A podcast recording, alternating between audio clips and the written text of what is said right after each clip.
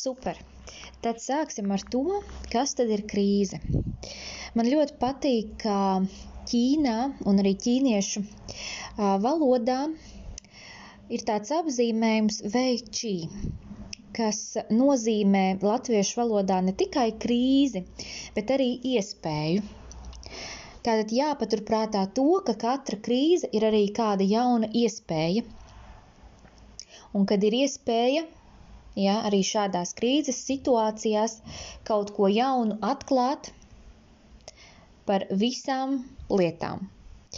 Un, ja mēs runājam par to, kas notiek organizācijās un uzņēmumos, tad, protams, ja vienam uzņēmumam kāda ārkārtas situācija ir krīze, tad varbūt kādam cita tā ir iespēja.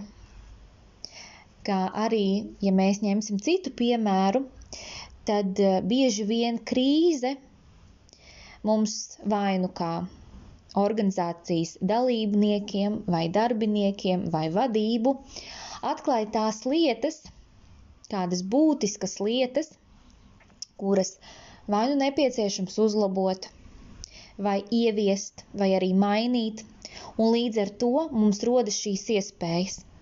Iespējas kļūt labākai kā organizācijai vai kļūt labākam kā uzņēmumam. Bet, ja mēs paskatāmies uz to, kā mēs varam definēt krīzi, tad, protams, krīze radās kādā situācijā. Ja? Vai nu tas ir kādas situācijas turpinājums, ja? kurā attīstība var būt divējāda vai nu izēja no šīs situācijas, no šīs krīzes ir, vai arī tās nav. Turpinājumā par krīzi, tad eh, šobrīd visā pasaules ekonomikā lietotais krīzes apzīmējums vai definējums ir cēlies no sengrieķu vārda krīzes un apzīmē gan nepārtrauktu attīstību, gan arī pārmaiņas. Ja, tas ir par to, ko, ko es runāju iepriekš, par iespējām, par pārmaiņām un par iespējām tātad mainīties. Ja. Šis vārds arī nozīmē bīstamas attīstības kulmināciju un ar to saistīt izšķirošo situāciju. Tātad situācija ir izšķiroša, jo vai nu mēs varēsim pārvarēt šo krīzi, pārvarēt šo situāciju radušos, vai arī to nespēsim. Krīze nozīmē kādas situācijas turpinājumu. Ja, tātad, kur ir divi, divi šīs situācijas atrisinājumi. Vai nu šis atrisinājums ir, vai nu viņš arī nav. Krīze, ja šis vārds apvieno divus skatījumus - draudus un izdevību vai iespēju.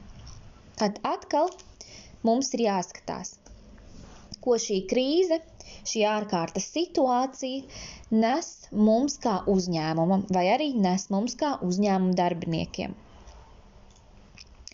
Ja mēs runājam par to, kādi ir uzņēmēja darbības krīzes jēdzieni, tad, protams, tie ir vairāki. Un uh, krīzes, ja mēs, piemēram, mēģinam arī šos te jēdzienus apkopot, tad, piemēram, krīzes ir situācijas, kad uzņēmuma pastāvēšana tā tad ir nozīmīga, ilglaicīgi apdraudēta vai pat neiespējama. Ja, tāds šis jāpatur prātā.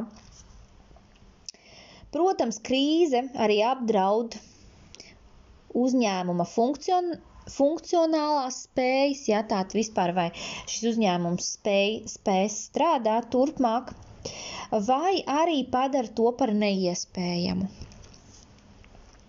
Protams, ir jāatceras, ka eh, šie apdraudējumi ir tad, kad rodas zaudējumu, ja to mērķu dēļ, kur ir nesasniedzami un rada arī pas, uh, uzņēmuma pastāvēšanas draudus vai arī izjaucot uh, patstāvīgo ekonomisko vien, vienotību. Ja? Un tā tad jāatceras, ka, protams, uzņēmēja darbības galvenie mērķi ir, protams, maksāt spēja, ja vispār gūt peļņu Tad, ja atcerēsimies, ka uzņēmēja darbības galvenais mērķis ir gūt peļņu un, protams, veiksmes potenciāls, ja, likviditāte, ja, ja mēs runājam par rādītājiem, kur ir svarīgi arī uzņēmēja darbībā.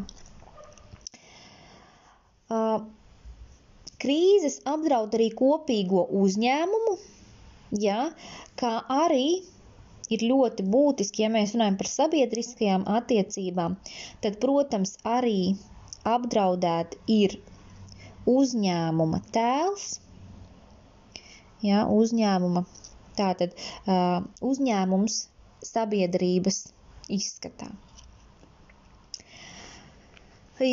Turpinājumā par definīcijām, tad krīze ir, protams, kaut kāds negaidīts, bīstams notikums kuram ir potenciāli arī negatīvs iznākums.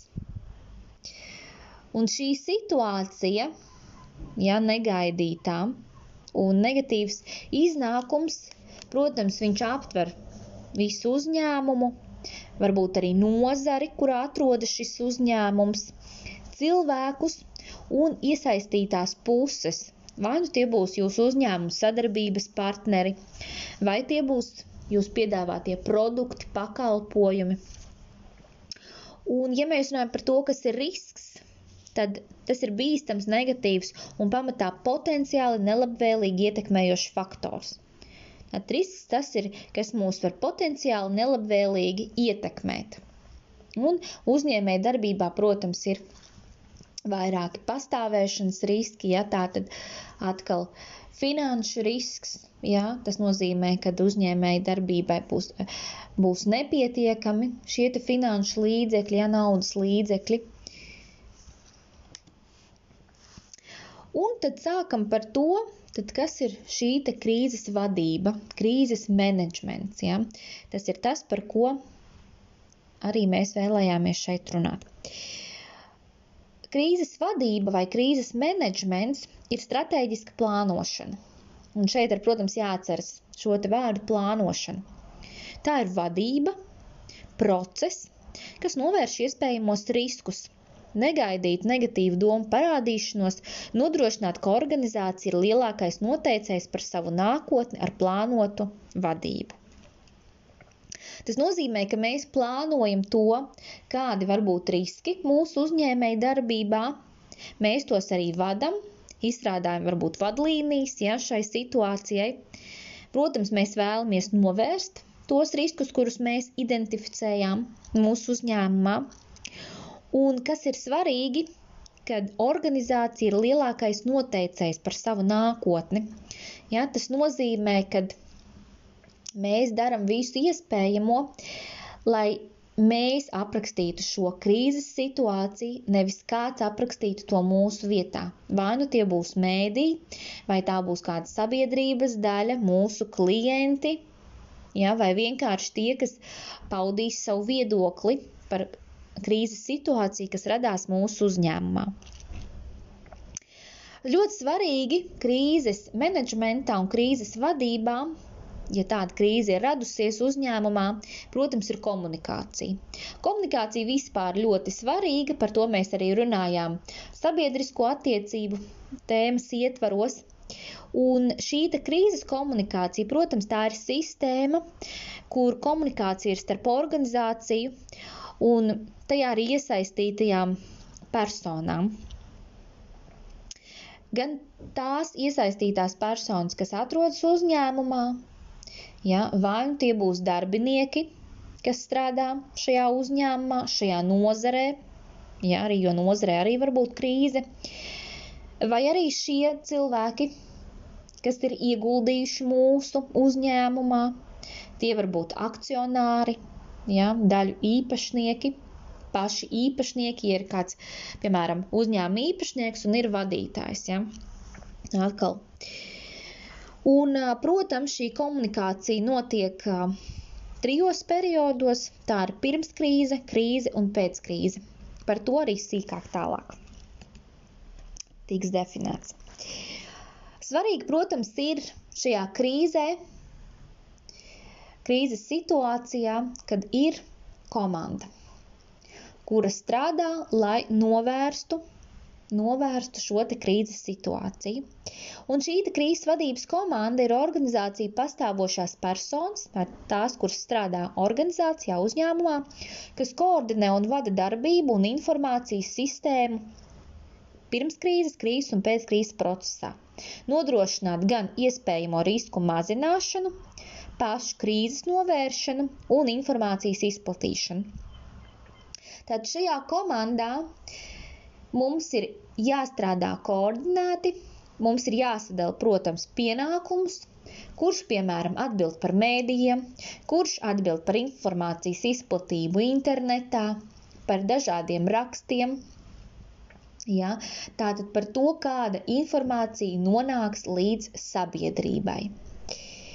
Un, protams, katrai komandai ir nepieciešams līderis, jeb vadītājs, kurš, protams, ir komandas galvenais koordinators, kas kopumā vada, koordinē visas komandas darbus un, protams, arī pieņem galējos lēmumus. Tātad, ko mums rakstīt, kā mums rakstīt, kā mums vispār rīkoties, tad ko mums darīt. Lai šī krīzes situācija, kas tomēr radās, nenestu zaudējumus nec finansiālus, nec arī reputācijas Jā, reputācijas krīzes samazināšanos nozīmē, ka mūsu tēls sabiedrībā ir pasliktinājies. Protams, to ir svarīgi arī novērst. Krīzes komunikācijas vadības uzdevums, jā, tā tad vispār šīs komunikācijas uzdevums, protams, ir nodrošināt operatīvas un sekmīgas darbības plānojumu, lai izvairītos no potenciāliem krīzes gadījumiem, tie, kas var rasties, bet vēl nav radušies, apzinoties riskus, kā arī mazinātu krīzes negatīvo ietekmi uz uh, uzņēmuma vai personas darbu. Tātad ļoti svarīgi, lai tas būtu operatīvi. Tātad ļoti īsā laika periodā mums ir jāsakoordinējas, tātad jāmobilizējas, lai sniegtu informāciju sabiedrībai, ieinteresētām personām, darbiniekiem, es atkal atkārtošos, akcionāriem, uzņēmumu īpašniekiem, kādas nozares, nozares pārstāvjiem, Varbūt tie būs arī, tā būs arī valsts vai pašvaldība, ja, vai ministrijas, ja, kurām mums būs jāsniedz savs skaidrojums par to, kas ir par situāciju radusies, kāpēc tā ir radusies un ko mēs ar to darīsim. Īsnībā tas tā notiek. Šīs komunikācijas mērķis, protams, ir mazināt zaudējumus un mazināt negatīvu ietekmi uz organizācijas tēlu, reputāciju. Tad pats galvenais ir, protams, samazināt, mazināt šo te negatīvo ietekmi uz organizācijas tēlu, jo pēc tam atgūt šo te reputāciju ir daudz grūtāk un uzticība tiešām būs mazāka ja nebūs operatīvas informācijas, ja netiks sniegti skaidrojumi par to, kas, kāpēc šādi izvērsās. Ja mēs runājam par tiem periodiem, par krīzes periodiem, tad, kā jau minēju, ir pirms krīze, ir pati krīze un pēc krīze. Un, ja mēs runāsim par to, kas ir pirms krīze, tad tā ir situācija, kad mēs jūtam, ka ir parādījušies pirmie simptomi, kaut kādas baumas, ja, kuras kāds izplata vai nu no uzņēmuma iekšienes vai ārienes, vai arī, piemēram, paaugstināt interesi no mēdīju puses. Ja? Žurnālisti sāk interesēties par mūsu darbību, par kādu notikumu, varbūt par kādu darbiniekiem mūsu organizācijā, cik viņi ir apmierināti vai viņiem kaut kas neapdraud. Un, protams, tas ir pirmais un potenciālais krīzes faktors. Ja, visi šie, te, visi šie te simptomi.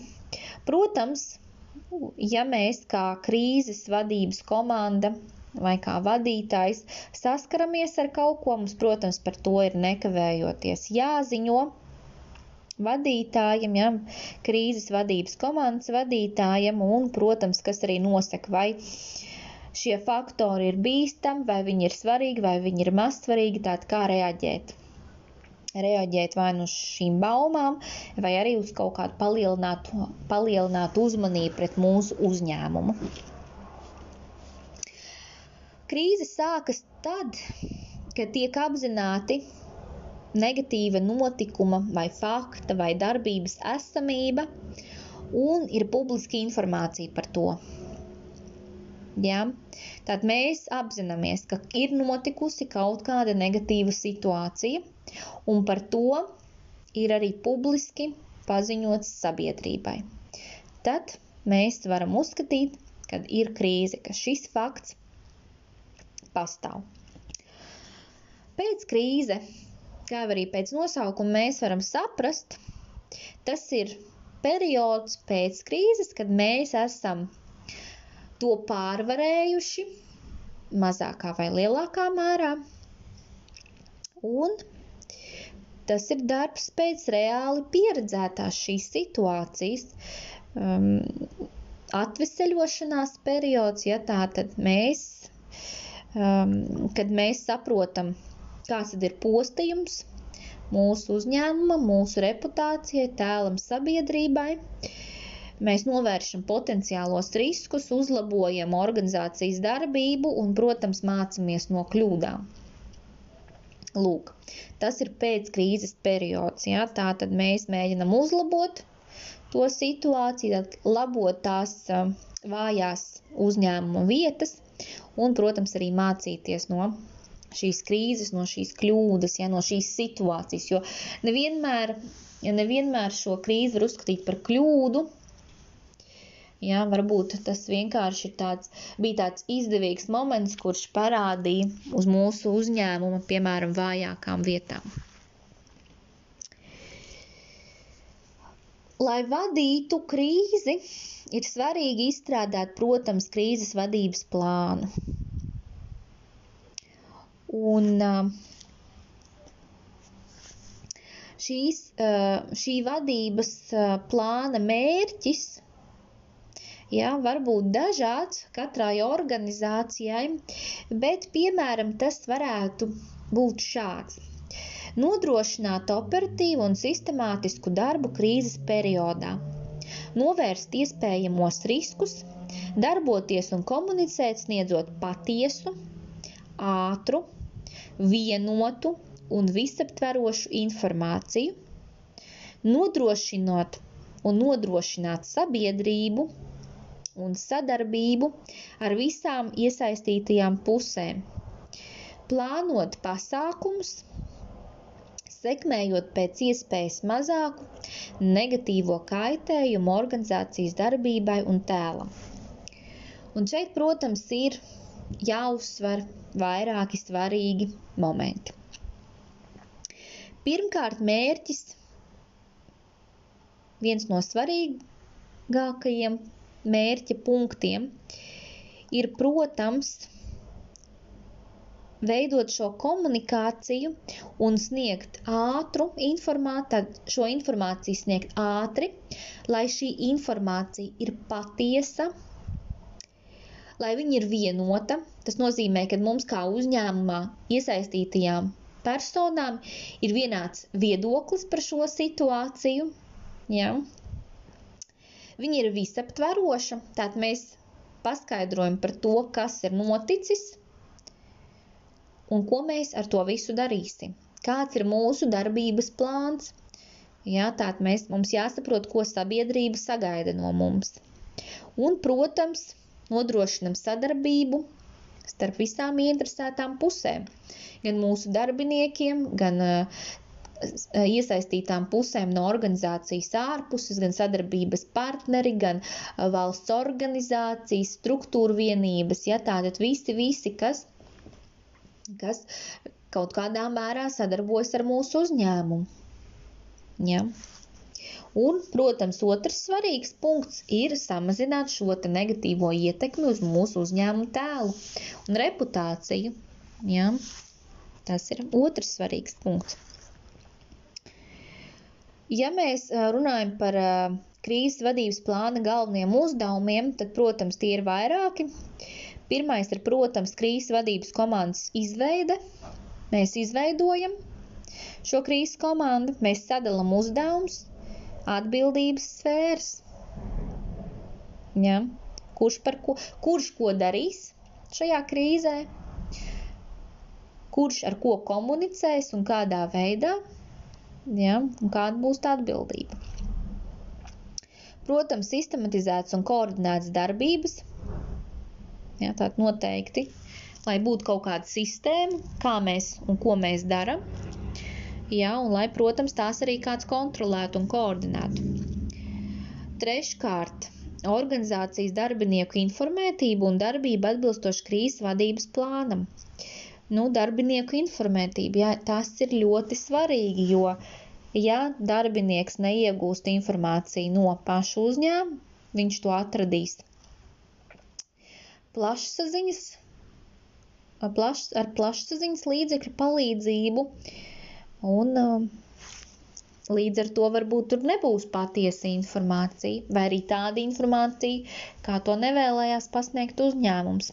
Līdz ar to pirmais, ko mums ir jāinformē, tie ir mūsu darbinieki, kas notiek, jo arī viņi strādā šajā uzņēmumā, viņi komunicē ar citiem cilvēkiem, kur arī atrodas sabiedrībā, kur strādā citos uzņēmumos, bet viņi kaut kādā mērā nodot šo informāciju, kas tad notiek. Vai vispār kaut kas notiek un kaut kas tiks darīts. Un koordinētas komunikācijas sistēmas izstrāde un realizācija. Nu, arī tātad darbinieku informā, informētība un komunikācija vispār. Tātad galvenais arī komunicēt ar sabiedrību ja, ar darbiniekiem un sabiedrību sniegt šo informāciju. Kas tad ir iesaistīti krīzes situācijā? Vieni, viena puse ir tieši iesaistīti, ja, tā, ir, tā ir, protams, organizācijas uzņēmuma vadība un darbinieki, ja, jo tie ir cilvēki, kas nosaka šo krīzes vadību un darbību. Tie, kas funkcionāli ir iesaistīti, tāda tie ir tie cilvēki, kuriem mēs sadarbojamies. Jā, tātad kaut kāds uzraugošās organizācijas. Tad ir eh, normatīvie iesaistītie, jā, piemēram, cietušie. Jā un arī nenoteikti iesaistītie, iesaistītās puses, jā, organizācijas un personas, kam ir netieša saistība ar krīzi, bet tomēr tā ir, jā, arī mēdīji un arī dažādas citas organizācijas, kuras, nu, kaut kādā mērā varētu arī paust savu viedokli par, par radušos krīzi, par radušos situāciju. Un arī uh, krīzes vadībā ir vairāki soļi, tātad kā mums ir jādarbojas, un tie ir septiņi. Tātad pirmais mums jāpārbauda faktus, vai tiešām, vai tiešām tas ir tas, kas ir noticis, vai tas tiešām ir. Jā, vai tas nav, uh, tās nav baumas un uh, šī situācija vienkārši nav, nu, kā teikt, uzpūst kā burbulis, ja kādam ir izdevīgi, ja tātad šo mūsu situāciju vienkārši pārvērst nu, kaut kādā nopietnākā, nopietnākā problēmā ja, vai situācijā. Noteikti radīt to ietekmi, cik lielā mērā šī situācija ietekmē mūsu uzņēmumu, varbūt arī ietekmē sabiedrību, varbūt ietekmē valsti, varbūt valstis, ja tā tad, nu, arī tālāk runāsim par piemēriem, ja tātad, un, protams, krīze var ietekmēt ne tikai pašu uzņēmumu, bet arī, arī, arī lielāko sabiedrības daļu. Uzaicināt uzticams aizstāvjus, tātad atkal mums ir jābūt kompetentiem cilvēkiem, kas pirmkārt komunicēs ar sabiedrību, ar mēdījiem, tad sniegs kaut kādu vienotu informāciju. Ja ir kaut kāds nopietns arī situācijas, protams, ir juristi, valdes, valdes locekļi, vispār valde, uzņēmuma īpašnieki, ja tā arī, kas ir svarīgi cilvēki, kas arī paudīs savu viedokli par radušo situāciju. Atklāt izprast neslavas cēlājus, Tātad, kas ir tie, kas radīja šo, šo situāciju, vai arī tie, kas izplatīja kāda veida informāciju. Jāizlem par atbilstošu atbildi, tātad atkal izdomāt šo vienoto uzņēmumu pozīciju par radušo situāciju, lai nav tā, ka viens cilvēks stāsta vienu, otrs stāsta kaut ko citu, un līdz ar to tad radīsies neusticība par sniegto informāciju no uzņēmuma puses. Vadīt sarunas, jā, ļoti svarīgi arī uzņemties iniciatīvu jā, šādās situācijās un arī, protams, pašiem, pašiem runāt par šo situāciju. Izvērtēt paveikto, izdarīt secinājumus, veikt izmaiņas. Nu, tas jau ir pēc krīzes uh, periods, kad mēs saprotam, ko mēs esam izdarījuši, tad kā mēs esam pārvarējuši šo krīzi. Jā, tātad kāds mēs varam izdarīt secinājumus un mē, ko mēs varētu uzlabot vai mainīt mūsu organizācijā jā, vai mūsu uzņēmuma darbībā. Nu, tas viss ir atkarīgs, protams, no tās situācijas, kas ir radusies.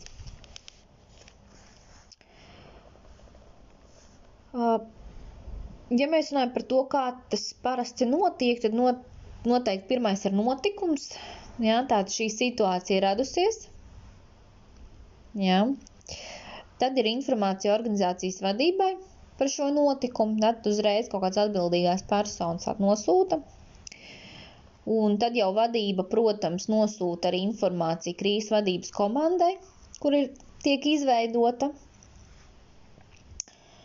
informācija sagatavošana funkcionāli iesaistītajiem organizācija, organizācijā. Jā, un tie ir, protams, citu organizāciju pārstāvji, kas tieši saistīti ar pamata organizācijas darbu. Tad ir arī, protams, jāsagatavo šī informācija paziņojums normatīvi iesaistītajiem, tātad tiem cilvēkiem, kas ir varbūt cietuši no šīs no šīs situācijas, un arī informācija nenoteikti iesaistītiem, ja tas arī ir nepieciešams. Tā tās ir kaut kādas organizācijas.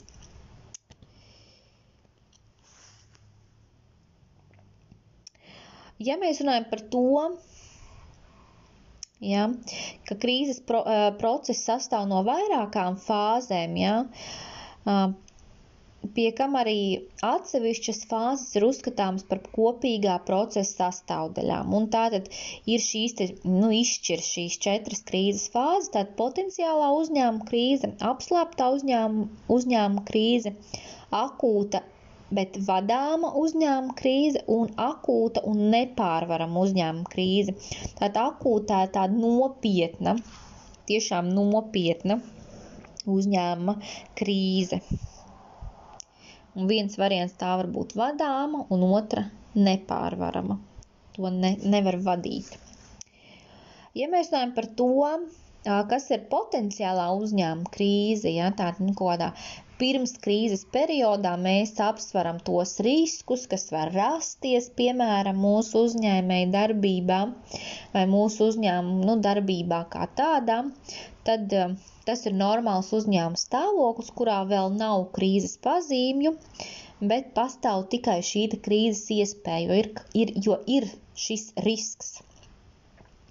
Un šajā fāzē, ja potenciālā uzņēmuma krīzes fāzē, īpaši uzmanība jāpievērš tam, lai notiktu apzinātas darbības gadījumam, ja tiešām krīze notiks jeb izstrādāt šo te, šos te pasākumus krīzes pārvarēšanai. Tad, ko mēs darīsim, ja šāda situācija radīsies? Tad kaut kāds izstrādāt arī vadlīnijas.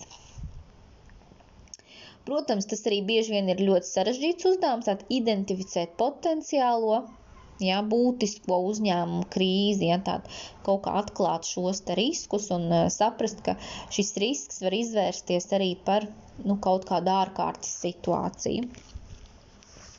Apslēptā uzņēmuma krīze ir paredzamās krīzes slēptā forma, kuras iespējamība tuvākā laikā ir augsta. Un uh, apslēpto paredzamo krīzi var novērst ar preventīviem pasākumiem. Preventīvie pasākumi tie ir pasākumi, lai novērstu. Mēs apzināmies, ka mums ir kaut kāds risks, un mēs darām visu iespējamo, lai šis risks neiestātos. Ja, tātad, ja es saprotu, piemēram, kad uh, ar mūsu uzņēmumu datoru pelēm nedrīkst strādāt 40 grādu temperatūrā, piemēram, ja es kaut kur sēžu un 40 grādu temperatūra, ja tātad es, piemēram, tās vai nu neizsūtu uz tām valstīm, kur ir iespējama šāda augsta temperatūra, vai es arī uzrakstu instrukciju, kurā tas ir norādīts, bet es, piemēram, nevēlos traumēt pircējus, kas iegādāsies šīs te datora peles un uh, Piemēram, būs tāda situācija, kad viņi strādās 40 grādīgu temperatūrā. Akūtā un vadāmā uzņēmuma krīze tātad ir kaut kāda zināma krīzes simptomi. Krīzes ietekme ir skaidri saskatām uzņēmēju darbībām un ir jāiegulda liels spēks, lai šo krīzi vispār pārvarētu. Pie,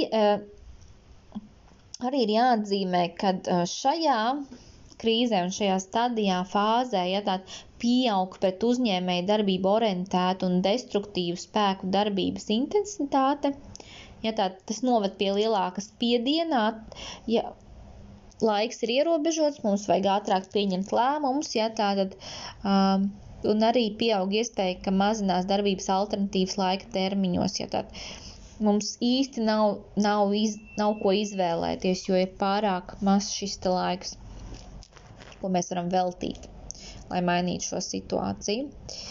Un akūta nepārvarama uzņēmuma krīze, tad šajā fāzē krīzes pārvarēšanas prasības vairs nav tik skaidrs un noteikts, kāds tās bija iepriekš.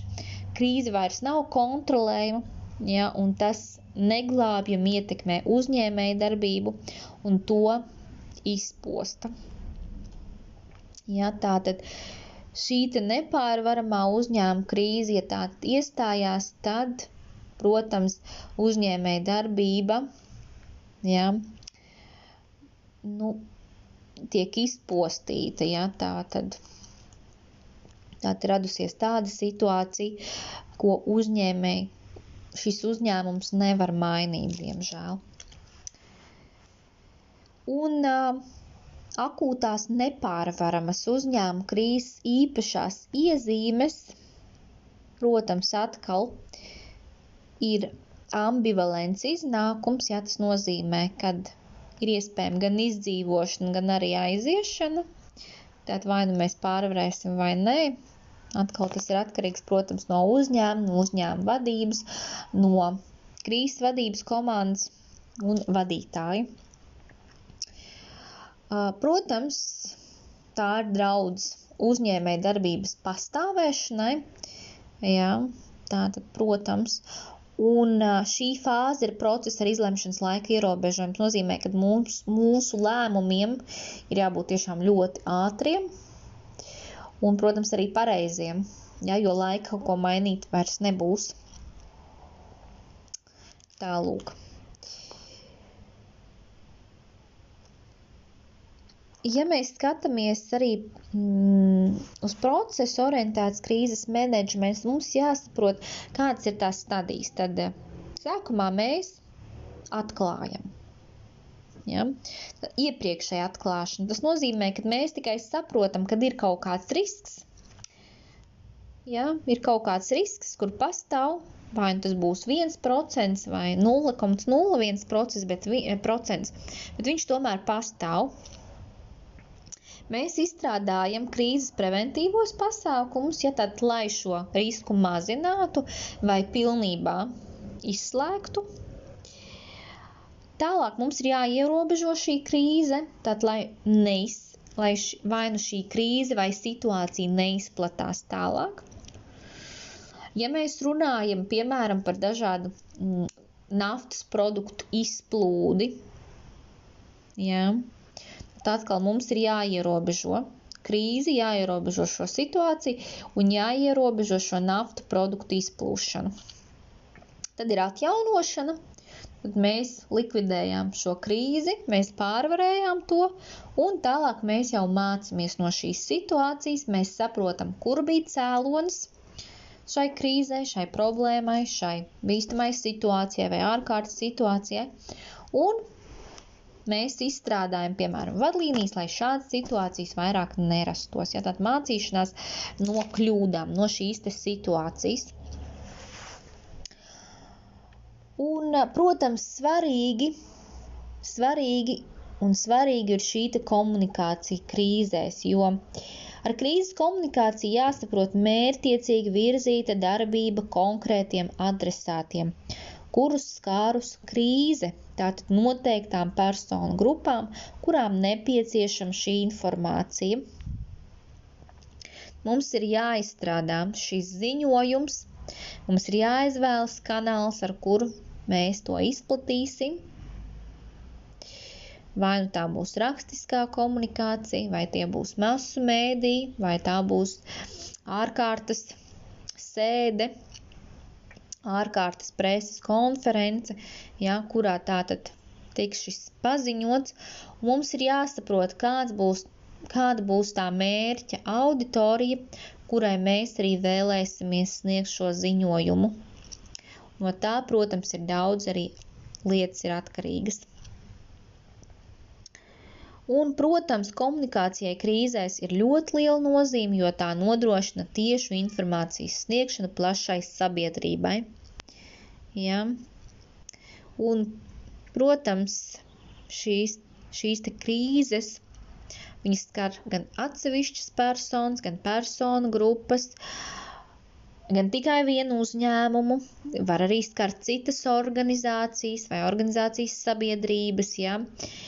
Viņi var skart kādu ekonomikas nozari vai arī vispār veselu ekonomiku, ja, kā nozari kā tādu. Tātad mums ir jāsaprot, ka krīzes var būt lokāls, tātad nav kāds neliels, kurš var pārvarēt uzņēmumu iekšienē, vai arī tādas krīzes situācijas, kuras ietekmē lielāko sabiedrības daļu. Jā, ja mēs runājam par šobrīd to situāciju, kas izvērsās Jā, tā ir krīze, mēs varam konstatēt. Jā, varbūt tā nebūs ekonomiskā krīze līdz galam, bet tā ir krīzes situācija, kad ir kaut kas nezināms, mums ir jāmobilizējas, mums ir jāmainās. Tātad mums ir jāpielāgojas tai situācijai, kāda tā šobrīd ir. Un līdz ar to, kad mēs pārvarēsim šīs situācijas, Mēs mēģināsim iemācīties atkal dzīvot ierastajās sliedēs un mēģināsim arī mācīties no šīs situācijas un um, šo situāciju pārvērst par iespēju, iespēju kaut ko mainīt, uzlabot gan mūsu valsts, valsts organizācijā, gan atsevišķi, piemēram, skolu organizācijā, gan varbūt arī atsevišķi kaut kāda grupas grupas darbā, ja, tātad, nu, varbūt arī atsevišķu personu darbā. Krīzes komunikācija sākas daudz ātrāk, pirms krīze vispār ir kļuvusi redzama.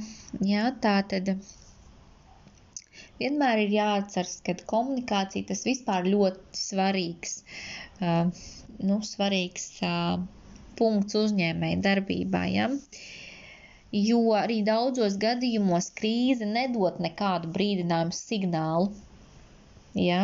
Jo kļūdas tie, kuri domā, ka iespējams īsā laikā un bez sagatavošanās reaģēt uz krīzes situāciju, piemērot, ja? kad es īsā laika, laika periodā zināšu, kā mums labāk, kā un ko mums labāk darīt. Un Bet svarīgi, ka mēs varam plānot līdzekļus, ar kādiem reaģēs uz krīzi. Tātad, kur mēs sniegsim mums šo te, kur mēs sniegsim informāciju par radušos situācijas, ar ko mēs komunicēsim pirmkārt, otrkārt un tā tālāk, lai mums ir viss sagatavots, lai ir šīs vadlīnijas, kā mums rīkoties, ja kaut kas tāds radās mūsu organizācijā. Tomēr jebkurā krīzes komunikācijā nozīmē dažiem būtiskiem elementiem. Piemēram, ātrums. Ļoti svarīgi, lai šī informācija, kur jūs vēlētos, šo komunikāciju, kur jūs vēlētos veikt, būtu ātra. Ja? Kurš kavējas saņems pasīvu komunikācijas partneru lomu ja, kura vajās mēdīju un sabiedrība saņems tikai ierobežot informāciju. Protams, ātrumam arī ir risks, ka informācija būs nepilnīga, neprecīza, ja, vai arī nederīga vispār. Otrs elements ir elastīgums, jo ir svarīgi šo informāciju pielāgot sabiedrībai, arī tai mērķa auditorijai, kurai ir domāta šī informācija, ja, un līdz ar to mēs nevienmēr varam saprast, kāda būs šī atbildes reakcija, bet, protams, mums ir jāpielāgo, jāpielāgo šis ziņojums tiem cilvēkiem, kuriem mēs vēlamies šo informāciju sniegt. Patiesīgums. Jā. Visam, ko saka, jābūt patiesam, bet ne viss, kas ir patiesa, vienmēr ir jāsaka. Nu, arī tāds izteiciens, bet to, ko mēs sakam, te jābūt patiesībai. Mēs varam visu nepateikt, jā, bet to, ko mēs pasakam, tiešām mēs arī varam pierādīt. Ja? Tālūk. Mm, katras krīzes pārvarēšana vada skaidri definēta organizācijas un vadības struktūra. Ja? Tātad krīzes gadījumā ir skaidri jānosaka, tātad, kuram ir visaugstākā atbildība par šo krīzes situācijas vadību, un, protams, jā, arī jāsaprot, kur būs šie darbinieki, kas būs iesaistīti. Ja, un tālūk. Protams, ir jāizveido šī kom komanda, ja, kas, arī, kas arī būs zināma sabiedrībai, ja tie, kas sniegs šo informāciju par radušos situācijas. Protams, arī mums ir jāizstrādā noteikumi un katra, katra šī, katras personas arī atbildību jānosaka. Tālūk, tas būs nedaudz par uh, krīzes menedžmentu. No piemēriem arī jums būtu interesanti pašiem paskatīties, kādas bijušas krīzes situācijas. Piemēram, varat paskatīties tādu uzņēmumu kā British Petroleum, ja, tātad par naftas produktu izplūdi. Ļoti interesants gadījums. Jā, par to arī būtu vēlāk jums pastāstīšu. Gadījums ir arī bijis uzņēmuma Toyota, ja, uzņēmuma Blue Ocean, ja, arī tāds uzņēmums, un jūs arī droši varat paši pameklēt šo informāciju par to, kādas radušās situācijas. Bet pagaidām tas ir viss. Kas vēl ir svarīgi komunikācijā un komunikācijā tieši krīzē? Protams, ir ļoti svarīgi, kad šīs personas, kas tiks iesaistītas šajā krīzē, viņiem ir treniņš. Tātad viņi izmēģina, ko viņi teiks, kā viņi to teiks. Jā, tātad kā viņi paziņos par šo situāciju, kura ir radusies. Bet Pie šī punkta pieder arī kontaktu tīkla izveide, tātad kaut kāds arī personas, jā, tāda kontaktpersona savstarpējās uzticamības nodrošināšana. Un, ja krīzes gadījumā ar žurnālistiem komunicē līdz tam nezināms ierēdnis, tad efektīva komunikācija ir novēlota. Tad mums ir jābūt kaut kādai uzticamai personai, ar kuru mums ir izveidots šis te pozitīvais kontakts, ja, un ka mēs zināsim, kad mēs spēsim atrast kopīgu valodu, mēs spēsim kopīgiem spēkiem tātad paziņot sabiedrībai par kādu konkrētu situāciju. Protams, ir arī svarīgi pārzināt intervijas tehnikas, tātad ir jāprot sarunāties ar mēdījiem. Jā, un ja mēs kaut ko sakam, ja, tad um, mums ir jāatceras, ka informācija jābūt autentiskai, ticamai un saprotamai. Ja? Autentiskai tā tas nozīmē, ka viņai ir jābūt patiesai, ja? ka to nevar kaut kā citādāk iztulkot, ja? vai uh, padomāt, ka bija doma kaut kāda cita, ja? bet tieši šādi jābūt saprotamai arī.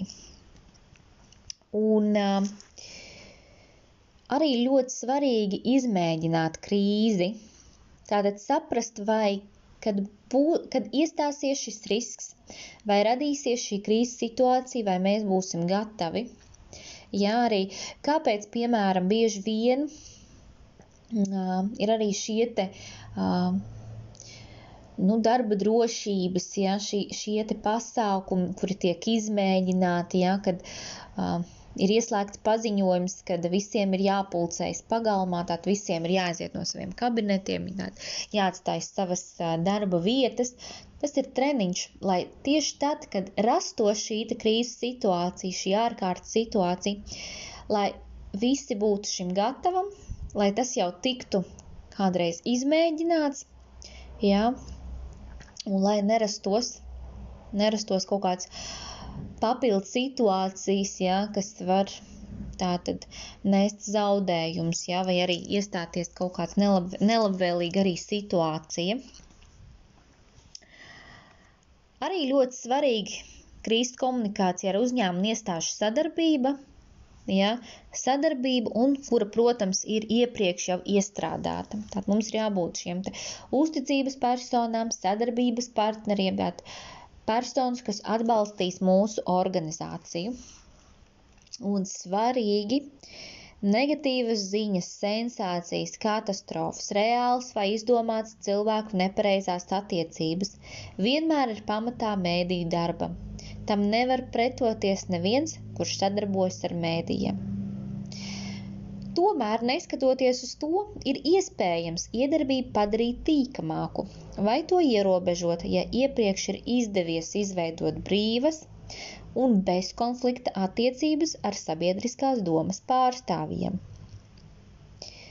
Ceru, ka šeit jūs saprotat, ka šī komunikācija ir tādā veidā, ka ja arī būs šī krīzes situācija, atradīsies cilvēki, kas būs labvēlīgi pret jūsu uzņēmumu. Tas ir jāatceras, lai uzņēmumu tēlu un reputāciju nepasliktinātu. Ja? Protams, tā, tā pasliktināsies uz kaut kādu procentu, bet lai tā nebūtu pilnīgi izzudusi. Protams, ir jāatceras, ka krīzes komunikācija nekad nebūs pilnīga. Ja? Vienmēr būs kaut kādas kļūdas, nepietiekamības, ja?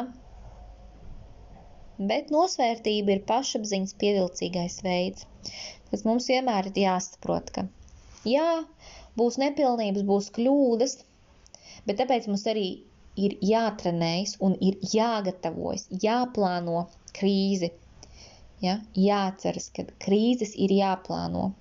Ir jāparedz, ka šādas situācijas var rasties. Tālūk. Tas bija šodienas nobeigumā. Patīkami noklausīties!